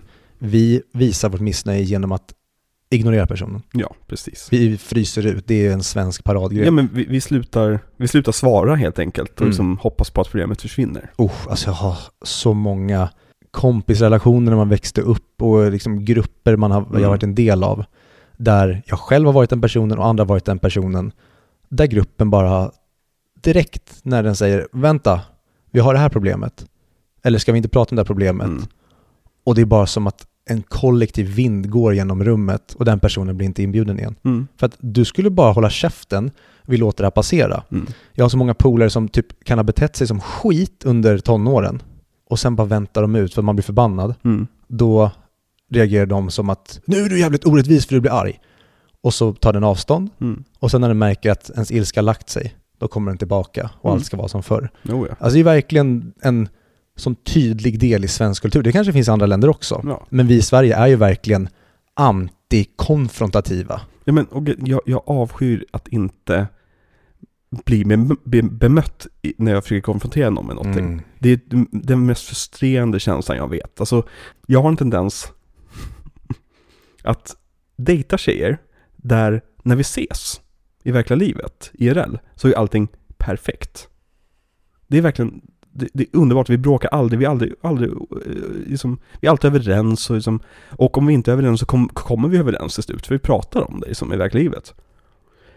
Men där de tjejerna, så här, när man när man ska konfrontera dem över typ sms, över någonting. Eller det, det är någonting som man ska pratas om. Bara sl- sluta svara.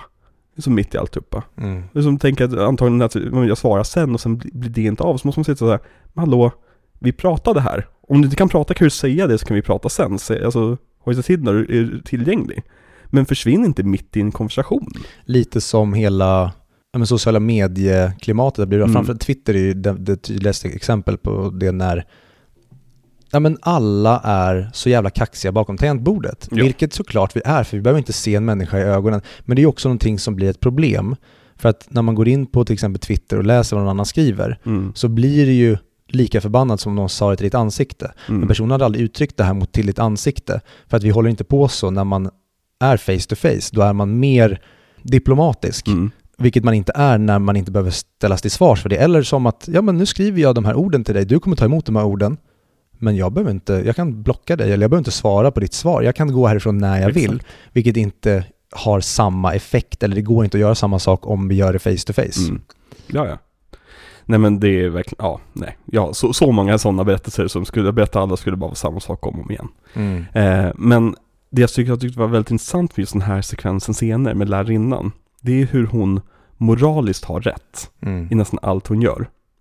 Men det blir fortfarande som att hon har, som, trots goda intentioner så finns det som en rättfärdig sekundärkränkthet i henne. Som används som ett sätt att få makt över gruppen.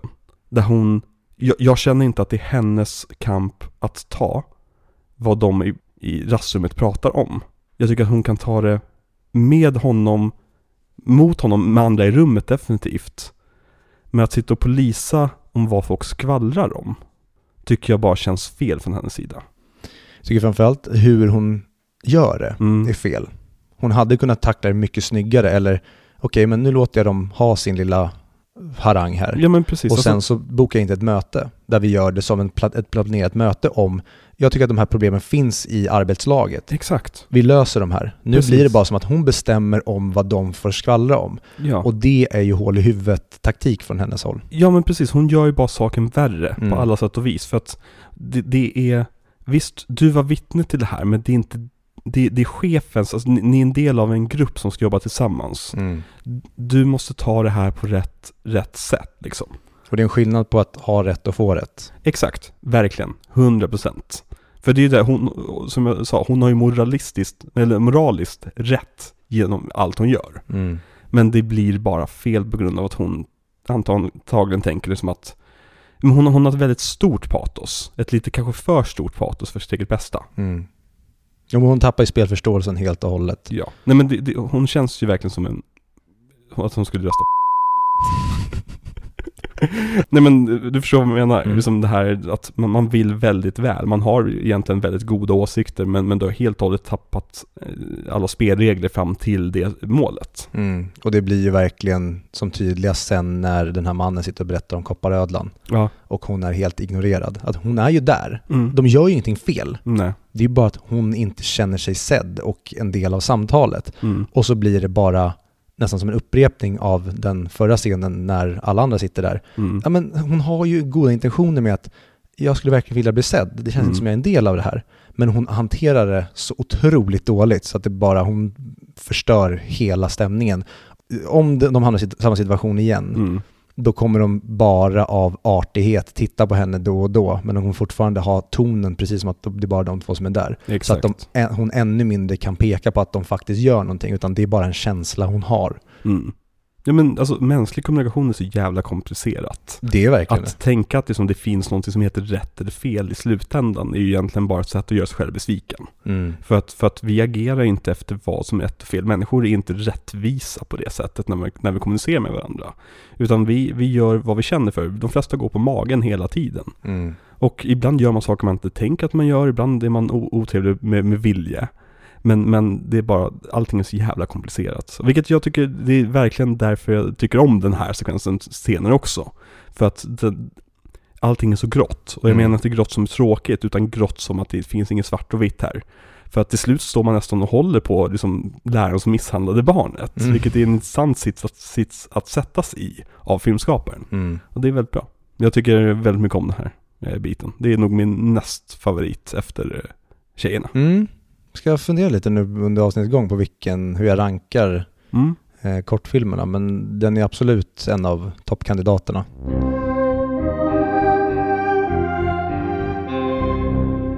Ska vi gå vidare till eh, nästa serie scener? Busschauffören. Ja. En busschaufför. En busschaufför. Det är en man med glatt humör. Tills hans fru skriver en lapp och tar barnen och drar för två veckor sedan. Jag älskar den grejen att han liksom, han är en person som blivit lämnad för två veckor sedan av en person som inte vågade konfrontera honom. Ja. Som lämnade en fucking lapp. Och det är så här, hade, hade någon, alltså hade det varit en flickvän som hade dumpat mig med en lapp, det är så här, det är illa nog, men en fru när man har barn och grejer. Och anledningen är, jag hittade en annan.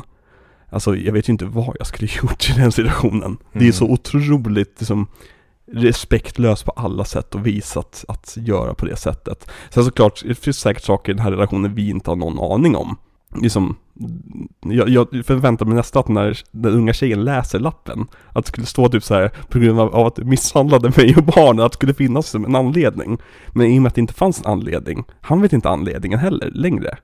Så blir, när han då får reda på att det har gått sönder en gardinstång inne i bussen, så blir det som att han tar ju all sin frustration över hans ovisshet angående frun Mm. på passagerarna och tvingar dem att säga ja, vi kommer stå här tills någon erkänner, tills någon kommer fram och pratar med mig, vilket är viktiga liksom, orden så att säga. Mm. För han vill bara att någon ska prata med honom. Han vill bara bli bemött som en människa.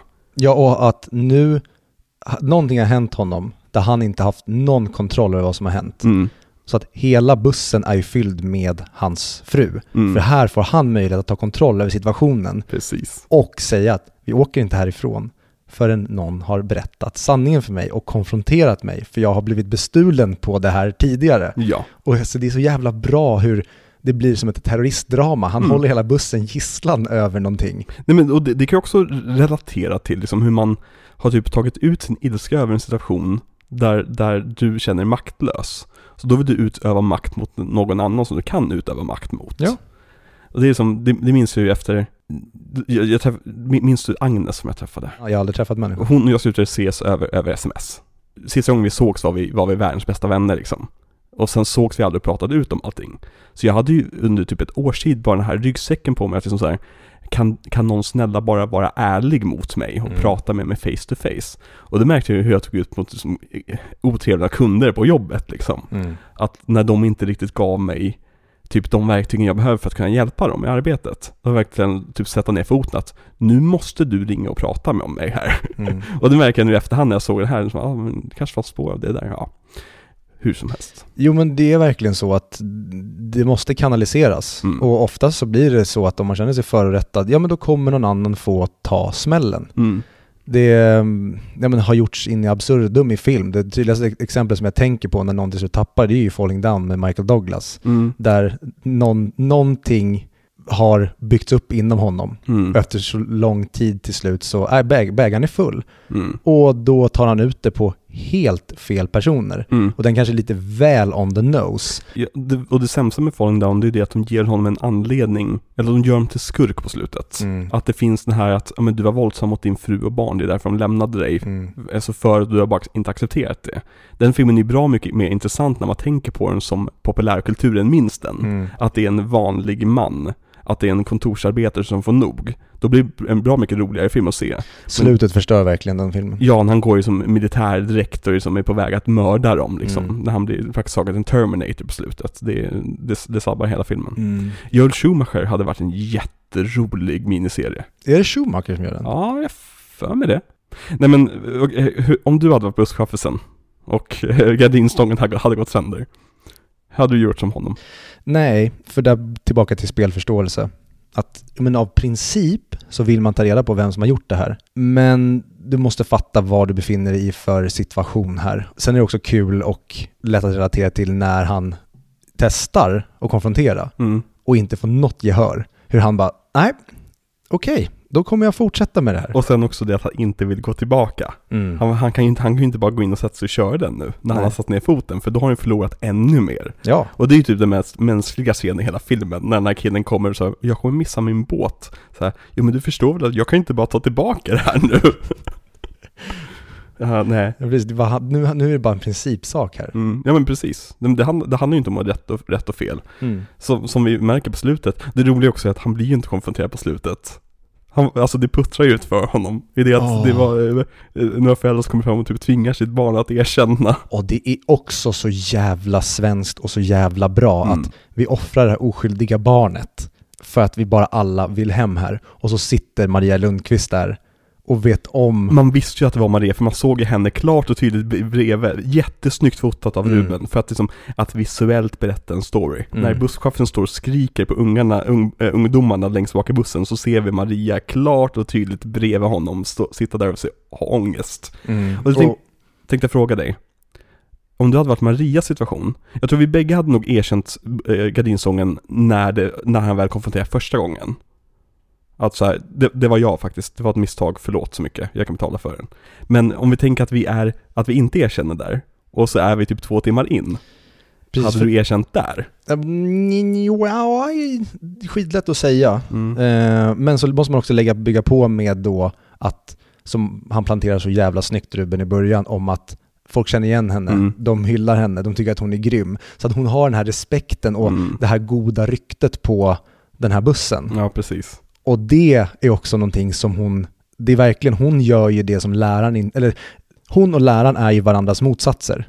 Det hade förmodligen varit, om hon bara hade sagt i bussen att det var jag, jag ber så hemskt mycket om ursäkt. Mm. Eh, jag tänkte ta det, kanske bara dra en vit lögn om att jag hade tänkt ta det med dig när vi kom fram. Mm. Eh, då hade ju hon förmodligen fått respekten, det hade inte varit en big deal. Ja, men precis. Och nu gör hon det motsatta. Hon gömmer sig bakom det här och det blir ett enormt problem. Ja, men det- så som jag tänker hennes tankeverksamhet, det är det att hon tänkte att jag, kommer, jag skiter i att säga någonting. Okej, busschauffören blir arg. Där tänker hon säkert, ja men okej jag kanske ska erkänna. Men han går förbi henne, går bort till ungdomarna. Då tänker hon säkert, ah, okej, men okej de kommer få skulden och sen så är det löst. Men sen så när hela den situationen är, är liksom eh, resolved, så att säga. När busschauffören går tillbaka fram i bussen, då har ju redan gränser passerats här. Mm. Och då är det så här, om du erkänner nu, då har du väntat för länge att erkänna ändå. Ja. Så det, det är en väldigt komplicerad, väldigt snyggt skriven situation av Ruben. Otroligt. Alltså, och i den här börjar man ju verkligen se turistspåren. Mm. Jag minns inte så mycket. Jag- vill minnas som att hans filmografi, nu har jag inte sett Play, Mm. men hela tiden en stegrande kurva mot det narrativa. Mm. Att det blir mindre av de här små storiesarna och att han mer och mer gör en stor story. Eh, jag kan minnas det helt fel. Och framförallt, ja men ta den busscenen, känns som någonting som, det hade typ lika gärna kunnat vara busscenen i Turist, Mm. när de åker, att det blir Ja. ett sånt här problem på väg till fjällen. Jo men det här, ha- han är väldigt bra på att skriva en, ett argument där bägge sidorna har rätt. Och det är jättesvårt att göra det, för att när du skriver film så vill du oftast vara lite övertydlig. För att liksom bräcka verkligheten. Och gärna ta ett parti för att tala om att jag vet vad jag gör, jag ska presentera det här och i slutändan ska vi heja på den här personen eller det är det här som ska vara vår hjälte. Exakt, så därför är det så jättesvårt att skriva en bra argumentation när liksom det är lik, eh, bägge drar lika liksom. Mm. Nej, det är fantastiskt. Och det såg jag, jag berättade det för dig i pausen här, jag såg ett av de sista avsnitten av Sandman, som jag är uppe i. Där det är en, en mardröm, som är trött på att vara en mardröm och vill bli en dröm istället. För att hon vill inte skrämma människor längre. Och man känner empatin för den här karaktären, att, men, för att det var jobbigt att bara skrämma folk varje natt. Mm. Liksom. Varje gång någon ser det så skriker de och springer därifrån. Men Morpheus, alltså eh, Dream eller The Sandman, han berättar att liksom, men du är en del av en balans. För att det finns drömmar sen som, som använder sig av kraften som du ger genom rädsla. Som de sen kan få bygga upp en människas drömmar, inte bara i, i, eh, när de sover, utan även i vaket tillstånd så kan drömmar hjälpa en. Jättefint skrivet. Och också återigen här att bägge sidorna har rätt. Men vi, konversationen handlar inte om vem som har rätt, utan det kommer att handla om vem som får rätt till slut. Ja, kanonkort film helt enkelt. Och jag eh, vet inte, jag, jag tror nästan jag tycker mest om den Mhm. av alla. Mm. Inte för att jag tycker att den är bäst, men jag tycker så väldigt mycket om, jag tror han heter Henrik Wikman, som Mm. spelar busschauffören. Mm. Han är även med i, men det tar jag nästa vecka, i hans kommande kortfilm, Mm. eh, som är baserad på en, en verklig händelse. Jag trodde det var David Dencik först, bara åh nej, har han lyckats lura in sig här också? Mm. Och det, det enda egentligen som krossar eh, bilden av att det här är en dokumentär, Mm. det är ju Vera Vitalisen. Vera Vitalisen? Ja men det är bra att du inte har koll på vem Vera Vitali är. Jaha, Vitali? Eh, som då spelar eh, han som blir avsugens flickvän i bilen. Jo men jag kände igen henne. Mm. Hon, hon är ju den som har blivit etablerad efter det här. Det här var hennes första roll. Mm. Eh, men i övrigt så är det för mig i alla fall helt okända Ja, ansikten. förutom Maria Lundqvist då. Ja men hon spelar ju sig själv. Ja, jo men precis, exakt. Hon, hon skådespelar ju inte, eller han har ju verkligen Mm. fått henne att vara sig själv. Hon är med i en underbar jävla jul. Så vi kommer få anledning till att återkomma till dem. I- Kanske inte i år, men kanske kommande år. Ja, och det, det, som jag förknippar henne mest med, Ja. någonting som jag, jag vill tro att jag har sett mycket, mycket mindre av det än vad jag minns, Mm. men Sally. Ja men, men det är ju det hon slogs igen, slog igenom med. Mm. Och det var ju sånt som våra föräldrar kollade på Mm. när vi liksom växte upp. Så som det, det är därför man känner igen henne egentligen. Mm. Mm. Jag förknippar, eller samma tidsperiod som så här rena rama Rolf och Mm. Svensson Svensson och det var så, det var så mycket, åh, jag saknar verkligen den här svenska humorn när allt var, det var nästan The Office. Mm. Allt skulle bara vara jobbigt hela tiden. Mm. Och det är det, vi, det svenska vemodet var vi så duktiga på, framförallt under 90-talet, Mm. att få in i komedifilmer och komediserier. Jo men det känns som att det finns en likriktning i nästan alla svenska serier och filmer nu. Där vi är där vi tycker att saker och ting ska vara viktigt snarare än roligt. Mm. Och det infekterar ju som även komedifilmer. Och vi är tillbaka på 70-talet. När liksom folkets vilja ska ändras med konstens kraft. Liksom så här, jag, tycker, jag tycker det är obehagligt. Jag Och självklart, tror, det är klart man kan göra filmer som är viktiga och serier som eh, hanterar viktiga ämnen. Ta till exempel The Last Duel som vi satt och hyllade för en stund sedan. Men där de inte liksom skriver på näsan hela tiden om, om hur viktigt det här är. det är inte en påverkansoperation och ändra Nej. din, dina åsikter. Och det tror jag, jag tror det mycket har att göra med att på 90-talet som jag, det är tillbaka till ofta Mm. som jag hyllar i Sverige, då hade vi ett genuint självförtroende. Mm. Vi gjorde saker, Sverige var bra, vi, liksom, allting såg bra ut, vi hade ett gott rykte ute i världen. Och då kunde vi driva med oss själva och Mm. svenskheten inom film. Idag har vi tappat det självförtroendet helt och hållet, men vi håller upp en fasad av att vi fortfarande har det. Så vi Mm. måste hela tiden trycka ut det till alla att Sverige är så himla bra och goda. Mm. Istället för att vi bara är det vi är och så får ryktet vara det det är. Vi, vi, vi vill inte heller, eller vi har slutat acceptera verkligheten och vi har konstruera den efter hur vi vill att saker ska vara. Precis. Och det speglar sig så jävla tydligt i framförallt populärkulturen och svensk film. Mm.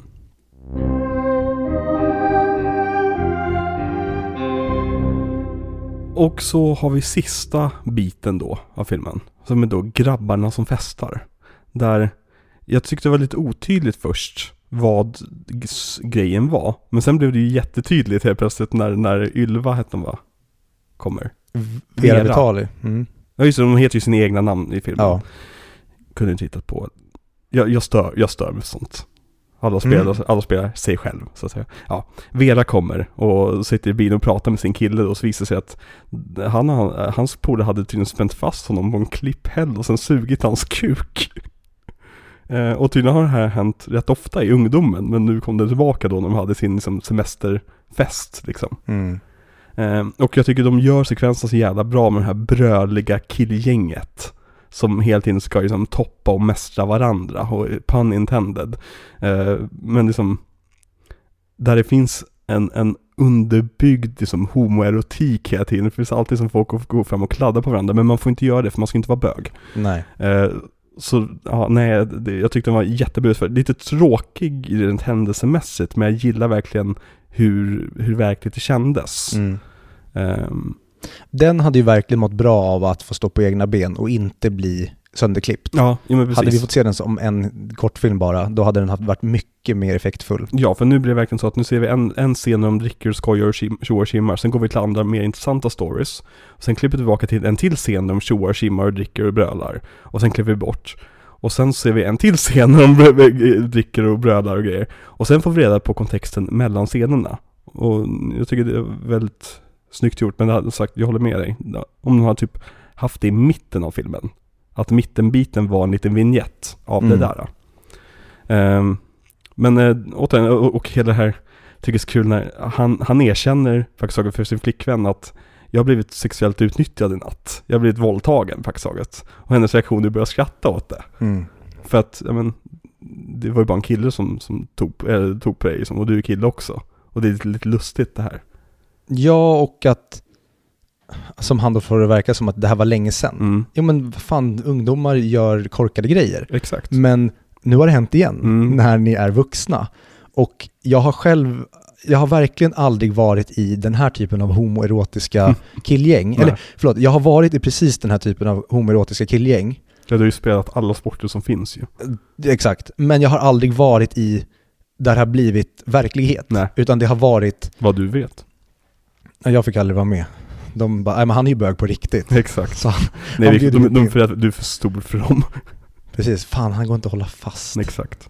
Eh, nej men jag, jag framförallt i mina early 20s så Mm. var jag en del av ett gammalt hockeykompisgäng. Mm.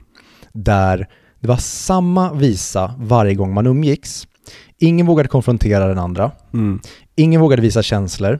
Och jag som ändå är en ganska feminin snubbe, som varit i locker room-kultur under hela min uppväxt och alltid känt ett mellanförskap. Jag har aldrig känt mig som, ja men, liksom, som någon estet eller kulturkille eller någon mer som kanske sitter och pratar känslor. Mm. Men jag har aldrig heller varit en del riktigt av eh, locker room-grejen. Jag har varit någonstans mitt emellan. Jag har hängt med mycket tjejkompisar och kanske lite mer mjuka polare. Men Mm. jag har också alltid haft en fot för att jag spelat alla sporter så jag har umgåtts med sådana gäng också. Mm. Men just när man umgås med sådana här killgäng, hur tydligt det blir att när det är nyktert, då, fin- då är det verkligen bara, det är hockey all over. De är Mm. så fostrade in i den kulturen. Men så fort det började drickas, då skulle verkligen tröjorna av, det skulle dansas och man bara står och säger till varann Åh, jag älskar dig man, du är så jävla fin. Äh." Vissa liksom sätter sig och grät, gråter, vissa saker kommer upp som de Mm. inte kunnat ta.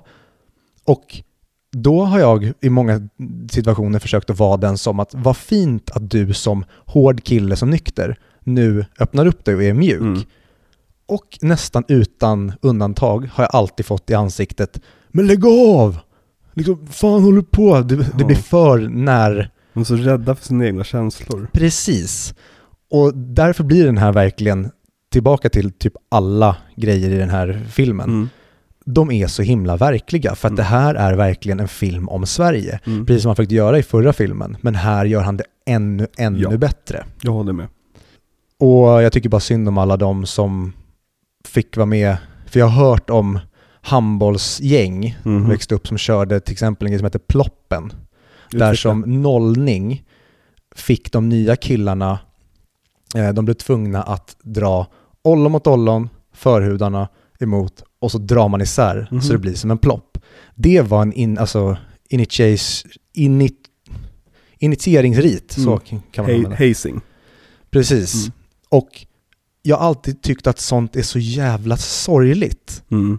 Men det är en så stor del av mycket av den här, när unga män ska växa upp och de inte vet hur de ska behandla sina homoerotiska känslor. Nej. Vissa som kanske inte vet, de kanske inte är gay, Nej. men de måste ändå få testa om hur det känns att vara lite Jo men gay. så, de flesta tonåringarna är ju nyfikna. Mm. Alltså och liksom, de, man vill veta hur saker och ting ligger till och man kanske har konf- alltså i och med att vi, vi lever i ett samhälle där, där folk tror hela tiden att det finns en urtyp av saker och ting där folk vet hur det ligger till. Så är det så att varje gång någon blir förvirrad så är det som att man blir jätteförvirrad. För att man känner sig vilsen från den här, de här urtyperna.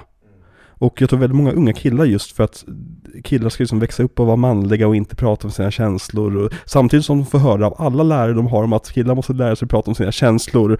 Eh, eh jada jada fram och tillbaka. Eh, när de sen bara känner att ja, men jag, vill, jag vill veta om jag är gay för jag känner mig inte som den typiska mannen som jag får be, be, beskriven för mig. Mm. Då blir det helt plötsligt att man stöter på en, en, en stor jävla vägg med resten av manligheten. Mm. För att, för att det är inte okej känsla att utforska. Liksom.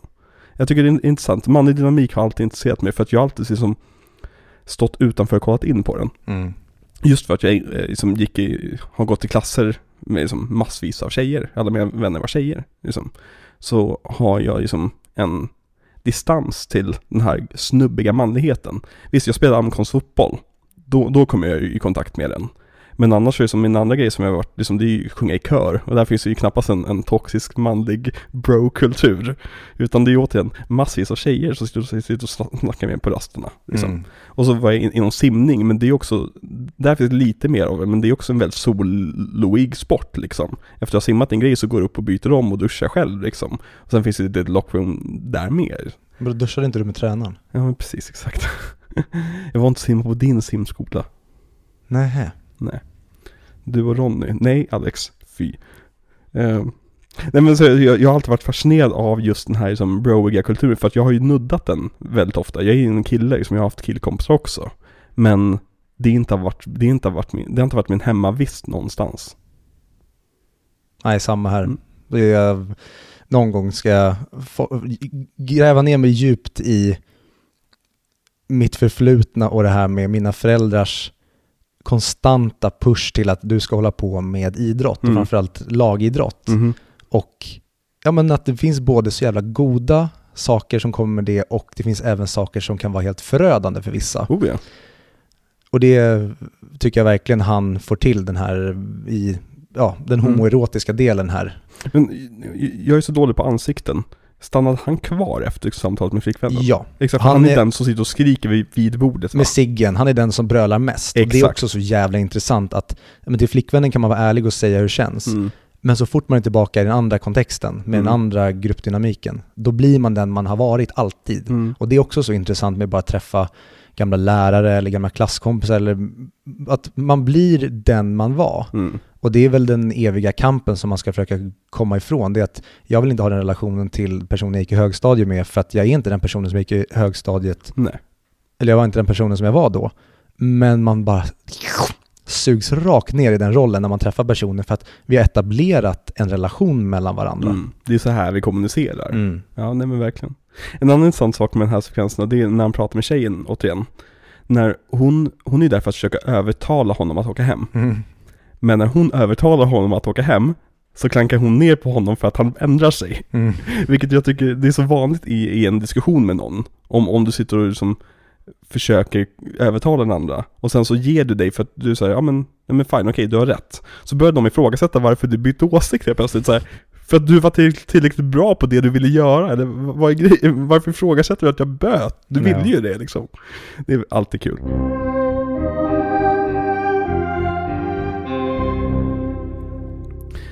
Ja, det finns jättemycket att prata om i den här filmen. Eh, I och med att liksom alla scener har så mycket, mycket mänsklighet och mycket liksom personlighet i sig. Mm.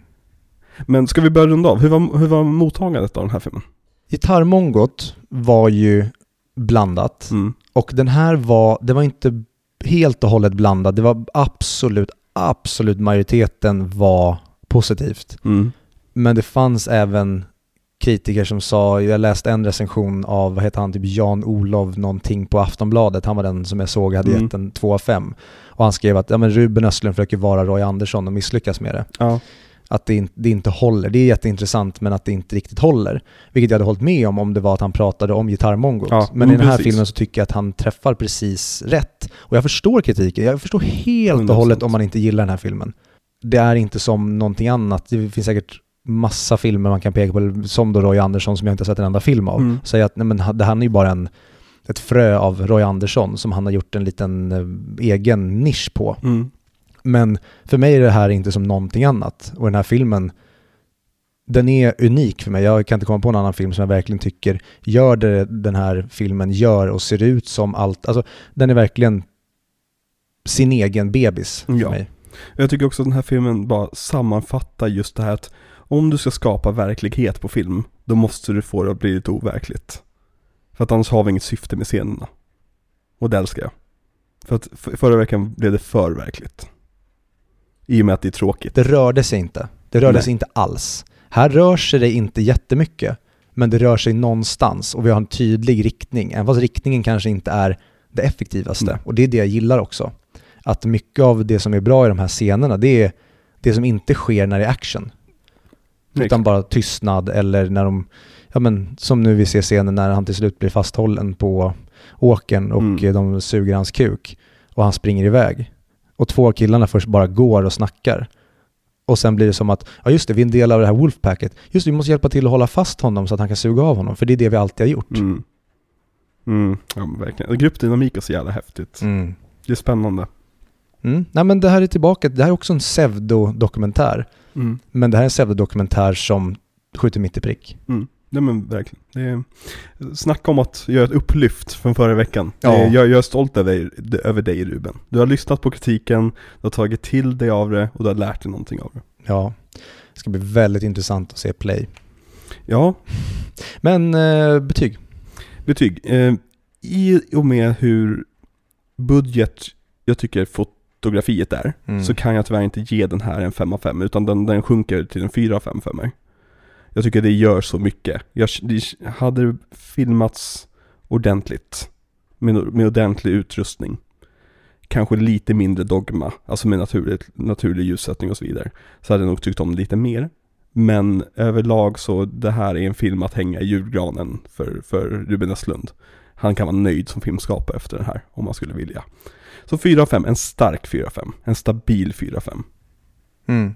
Och den blev ju, visades ju på Berlin filmfestival. Mm. Den, nej, den visades i Cannes och den visades även i Berlin, Genèves filmfestival vet jag, vad fan, det var nog mer och även i Argentina. Mm. Så den, och den blev ju typ hyllad av alla. Såklart det fanns även kritiska röster, Mm. men den, framförallt internationellt så tyckte ju folk att det här verkligen var någonting imponerande. Vad sätter du för betyg? Jag sätter nog också 4 av 5. Mm. Jag hade på det på den innan, jag tyckte den var sämre den här gången, men det är lite som 12 Angry Men-problemet. Mm. Att när du vet lite grann vad du ska få se, så försvinner en del av magi i vissa filmer. Mm. Vissa filmer mår ju verkligen bra av en omtitt, men typ 12 Angry Men, när jag inte blev så tagen på sängen av vad det var. Nej. Och det minns jag att jag blev av den här första gången när jag inte hade en aning om vad jag skulle förvänta mig. Och nu visste jag mycket av vart det var på väg och Mm. vad den ville säga.